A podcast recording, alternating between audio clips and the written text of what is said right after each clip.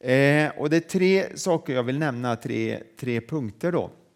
Det är ju inte lika utvecklat eh, kan man säga den här undervisningen i apostlagärningarna som det sen blir i Paulus brev. Då kommer det, går det lite djupare sen. Men i Apostlagärningarna så börjar det ändå väldigt tydligt att peka på innebörden av Jesu död. Jag tänker kanske speciellt då på de här predikningarna som finns i Apostlagärningarna. Då ser man att de som talar, Paulus och Petrus och så vidare, de, de knyter an till Jesu död på korset och hans uppståndelse hela tiden. Och Det som är väldigt tydligt i Apostlagärningarna vill jag också säga här, det är just det här med uppståndelsen. Det kommer väldigt tydligt fram. Sen börjar Paulus mer i sina brev lite mer utveckla det med korset och, och, och man, man, går lite djupare då i betydelsen, vad, vad meningen med korset och så vidare. Ja, för det första, ett perspektiv nummer ett, det är att Jesu död är en ställföreträdande död. död. Alltså att Jesus dog på korset för att ta bort Guds vrede över synden. Och Det har en försonande betydelse att Jesus dog på korset. Och Det knyter ju an till det som sker i Gamla testamentet med offren som försonade Israels folk med Gud. Och offren i Gamla testamentet pekar ju fram på Jesus hela tiden. Annars hade de inte hjälpt i Gamla testamentet heller, utan allt handlar om Jesus. Och han dör i vårat ställe. Jesus bär i sin död Guds förbannelse för människans skull. Alltså han bär din och min förbannelse. Bibeln använder sådana uttryck, förbannelse, det är väldigt starka uttryck. Vi tar det inte gärna i vår mun, men det står så faktiskt i Bibeln att förbannade den som hängs upp på trä, står det i Gamla Testamentet. återkommer flera gånger.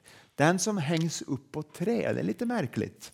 Eller hur? Jag vet inte om du har tänkt så mycket på det, men det, Apostlagärningarna knyter an och det finns, i, jag ska komma till det alldeles strax, finns eh, det uttrycket i tre i alla fall i predikningar i Apostlagärningarna som knyter an till Gamla Testamentet, att den är förbannad som hängs upp på trä. Det var verkligen en, någon som hade hädat mot Gud eller en, en syndare som hade verkligen vänt Gud ryggen. Och eh, då står det så här, bland annat, jag ska läsa då tre versar här, Apostlagärningarna 5 och 30. Kan vi se att det kommer, kommer fram här.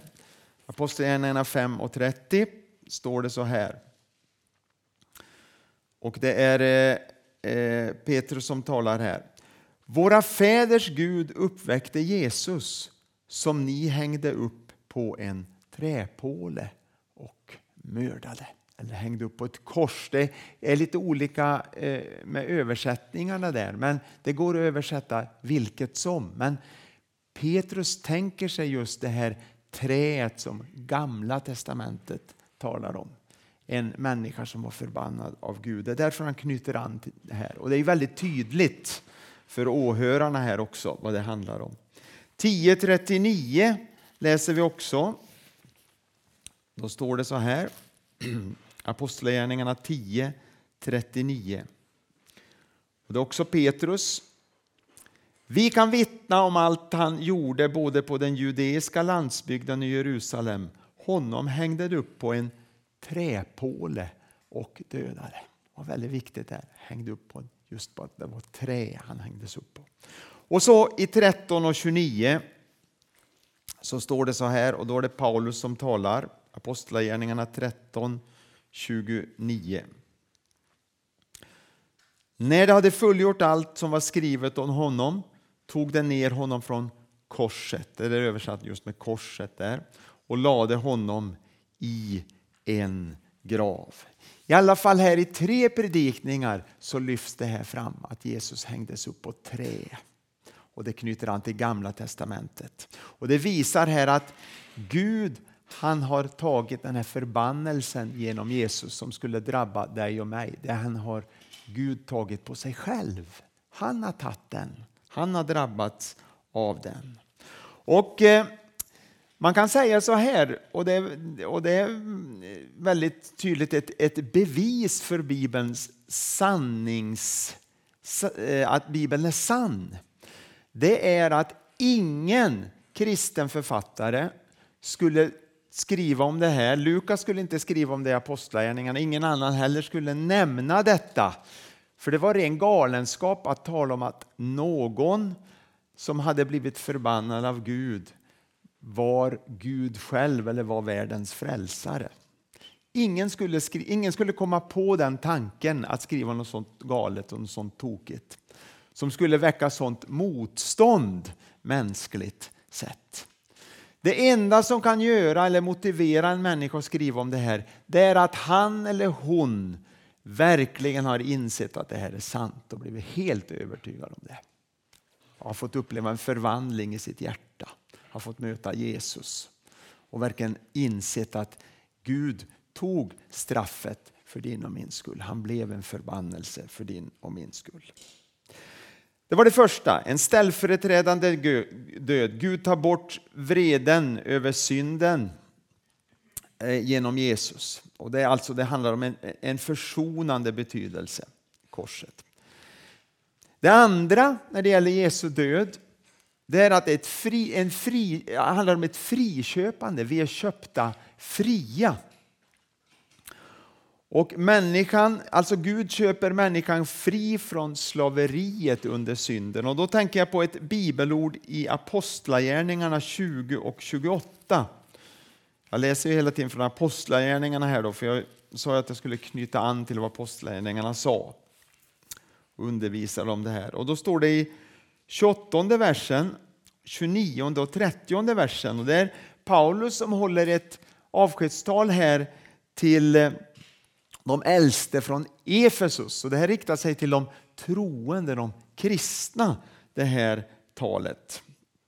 Då säger han så här, Apostlagärningarna 20, 28, 29 och 30. Ge akt på er själva och hela på den jord som den heliga anden satt er att ha uppsikt över, för att ni skall vara herdar för Guds församling som han har vunnit åt sig med sin sons blod. Han har vunnit sin församling genom sin sons blod. Alltså det handlar om en fri, friköpt. Sen går han vidare. Jag vet att när jag lämnar er ska farliga vargar som inte skonar jorden tränga in bland er. Ur era egna led skall det träda fram män som förkunnar villoläror för att dra lärjungarna över på sin sida. Det är en betalning det handlar om. Vi är alltså friköpta. En betalning är given. Gud har betalt, köpt oss fria. Vi behöver inte längre vara slavar under synden. Det här är Bibeln väldigt tydlig med. Slaveriet binder oss och krymper oss som människor. Och väldigt många människor är slavar under synden. Och även i kyrkan, vi som kristna kan också leva som att vi var slavar. Vi är inte fria människor. Men när vi inser vad Jesus har gjort, när det går upp för oss och det drabbar våra hjärtan, då blir vi fria människor. Fria att tjäna honom. Vi inser det att vi, vi är inte längre slavar, behöver inte, behöver inte vara slavar utan Jesus har satt oss fria. Han har satt dig och mig fri genom sin död på korset och genom sin uppståndelse. Så det är viktigt att betona friheten, att vi lever i frihet. Och Paulus varnar ju för det att ur era egna led ska det komma sådana som kommer med villoläror och predikar sånt som vill binda oss och förstöra den här friheten. Kanske smyga in lagiska tankar, tunga tankar, tankar som gör att det blir, blir, man går och bär på tunga bördor och så vidare. Falska läror naturligtvis som leder till det här att man ska försöka behaga Gud på olika sätt. Han varnar för det. Och ur era egna led, säger han, alltså inom kyrkan kommer det här att finnas. Det här måste vi hela tiden betona och vara vakna över. Att ingenting får förstöra det här eller göra något så att friheten i Kristus ifrågasätts. Vi är kallade till frihet. Vi behöver inte leva i slaveriet. Och så det sista. Nu har vi talat om den ställföreträdande döden, att Jesus dog istället. Han tog straffet, han tog förbannelsen för våran skull. Det andra är att vi är fria. Betalningen är given. Alltså Gud har betalt genom att Jesus dog för oss. Det sista är den renande aspekten här också. Att Jesu död renar människan från synden och ger henne en ny start i livet. En ny start. Vi är rena. Det är någonting helt nytt. När jag tar emot Jesus i mitt liv, då blir allting helt nytt. Och eh, Vi ska titta bara helt kort på två ställen här också då i Apostlagärningarna, två bibelställen. Och när det gäller det här med, med att vi får uppleva det här renande genom försoningen, genom vad Jesus har gjort. Det refereras väldigt mycket till profeten Jesaja, den lidande tjänaren. Vad, vad Jesus har gjort, vad som är förutsagt i Jesaja i Gamla testamentet. Och det är Jesaja 53, det är ett sånt här bibelställe vi ofta återkommer till som är, talar profetiskt om vad som skulle ske när Jesus kom och vad Jesus gjorde. Och då står det så här i Apostlagärningarna 3. Och det är eh, Petrus som talar här. 3, 13 och 19. Det är i Salomos pelarhall efter det undret med den lame har skett. Då står det så här. Nej, Abrahams, Isaks och Jakobs Gud, våra fäders Gud, har förhärligat sin tjänare Jesus honom som ni utlämnade och som ni förnekade inför Pilatus när han beslutade att frige honom. Det säger han, han har förhärligat sin tjänare Jesus. Och Petrus, det är ingen slump att han säger sin tjänare Jesus, för han knyter an till Jesaja som talar om den lidande tjänaren. Alla som hörde det de visste, de förstod precis vad han menade. De fattade att det här är Jesaja, de kände igen det, den lidande tjänaren. Han hänvisar till den lidande tjänaren. Och så säger han i vers 19 sen, ångra er därför och vänd om så är era synder blir vad då? Utplånade. Där har vi det här med renheten. Om vi vänder om till Gud, om vi vänder om med våra hjärtan till Gud, då utplånas våra synder. Och Det är det som är, är, är, är den röda tråden i Bibeln. Genom Jesu död på korset, genom försoningen, när vi tar emot det i våra hjärtan och öppnar oss för den, öppnar oss förlåtelsen och vänder oss till Gud, då utplånas vår synd. Det existerar inte längre. Det som hindrar mig att ha gemenskap med Gud, det finns inte längre. Det är öppen kontakt med Gud. Öppet. Det finns liksom ingen, inget som är i vägen. Det är fantastiskt. Och så står det i åttonde kapitlet också i Apostlagärningarna. Kom ihåg det med Jesaja som jag sa. Och nu är det Filippos som blir kallad till, eh, eh till Gaza, den här öde vägen, det är Filippus och hovmannen. Så står det så här, vers 30 till 32, Apostlagärningarna 8, 30 till 32. Filippus skyndade fram och när han hörde mannen läsa, vad då? Profeten Jesaja. Det var det vi sa nu, precis. Jesaja läste den här etiopiska hovmannen. Frågade han, förstår du vad du läser? Hur skulle jag kunna det utan att någon vägleder mig, svarade mannen. Och han bad Filippus stiga upp och sätta sig bredvid honom. Skriftstället som han läste var, vad då? Jo, Jesaja 53. Liksom ett får som leds till slakt, liksom ett lamm som är tyst inför den som klipper det, öppnade han inte sin mun. Och så står det lite mer också, men vi kan stanna där. Den lidande tjänaren. Det handlar om att, att Jesus har lidit och dött för oss. Och när vi vänder oss till honom, då tar han bort synden, han utplånar synden och vi blir rena.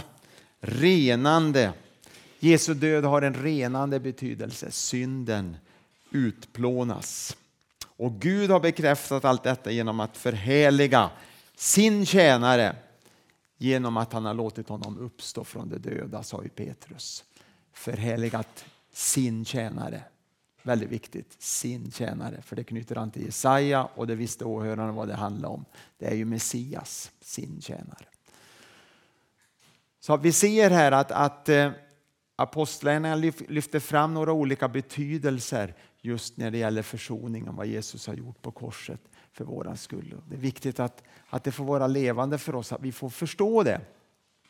Och det får drabba våra hjärtan, inte bara intellektuellt som något, något sån här teologiska formler och sådär som vi kan, utan att det ska drabba våra hjärtan och verkligen förvandla våra hjärtan och fylla våra, våra hjärtan med tacksamhet och glädje för vad Jesus har gjort på korset. Precis som här sången du sjöng Jörgen där också, jag tänkte första där, just den här att textförfattaren där skriver just den här förundran och, och, och det fantastiska att vad Jesus har gjort.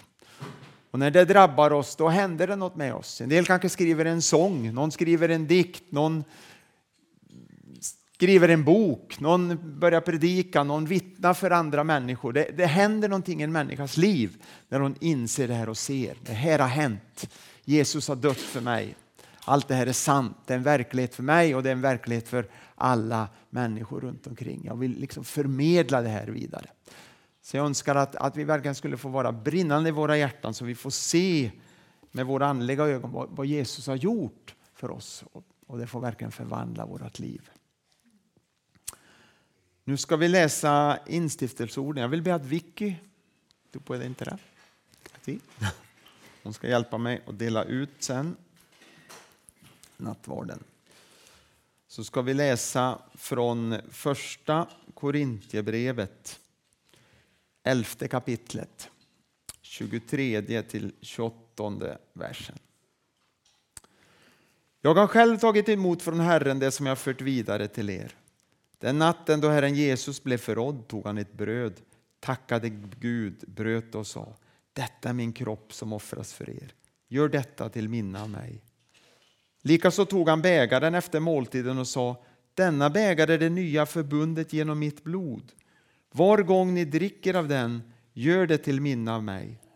Var gång ni äter det brödet och dricker den bägaren förkunnar ni alltså Herrens död till dess han kommer. Den som äter Herrens bröd eller dricker hans bägare på ett ovärdigt sätt har därför syndat mot Herrens kropp och blod. Var och en måste pröva sig själv. Sedan kan han äta brödet och dricka bägaren.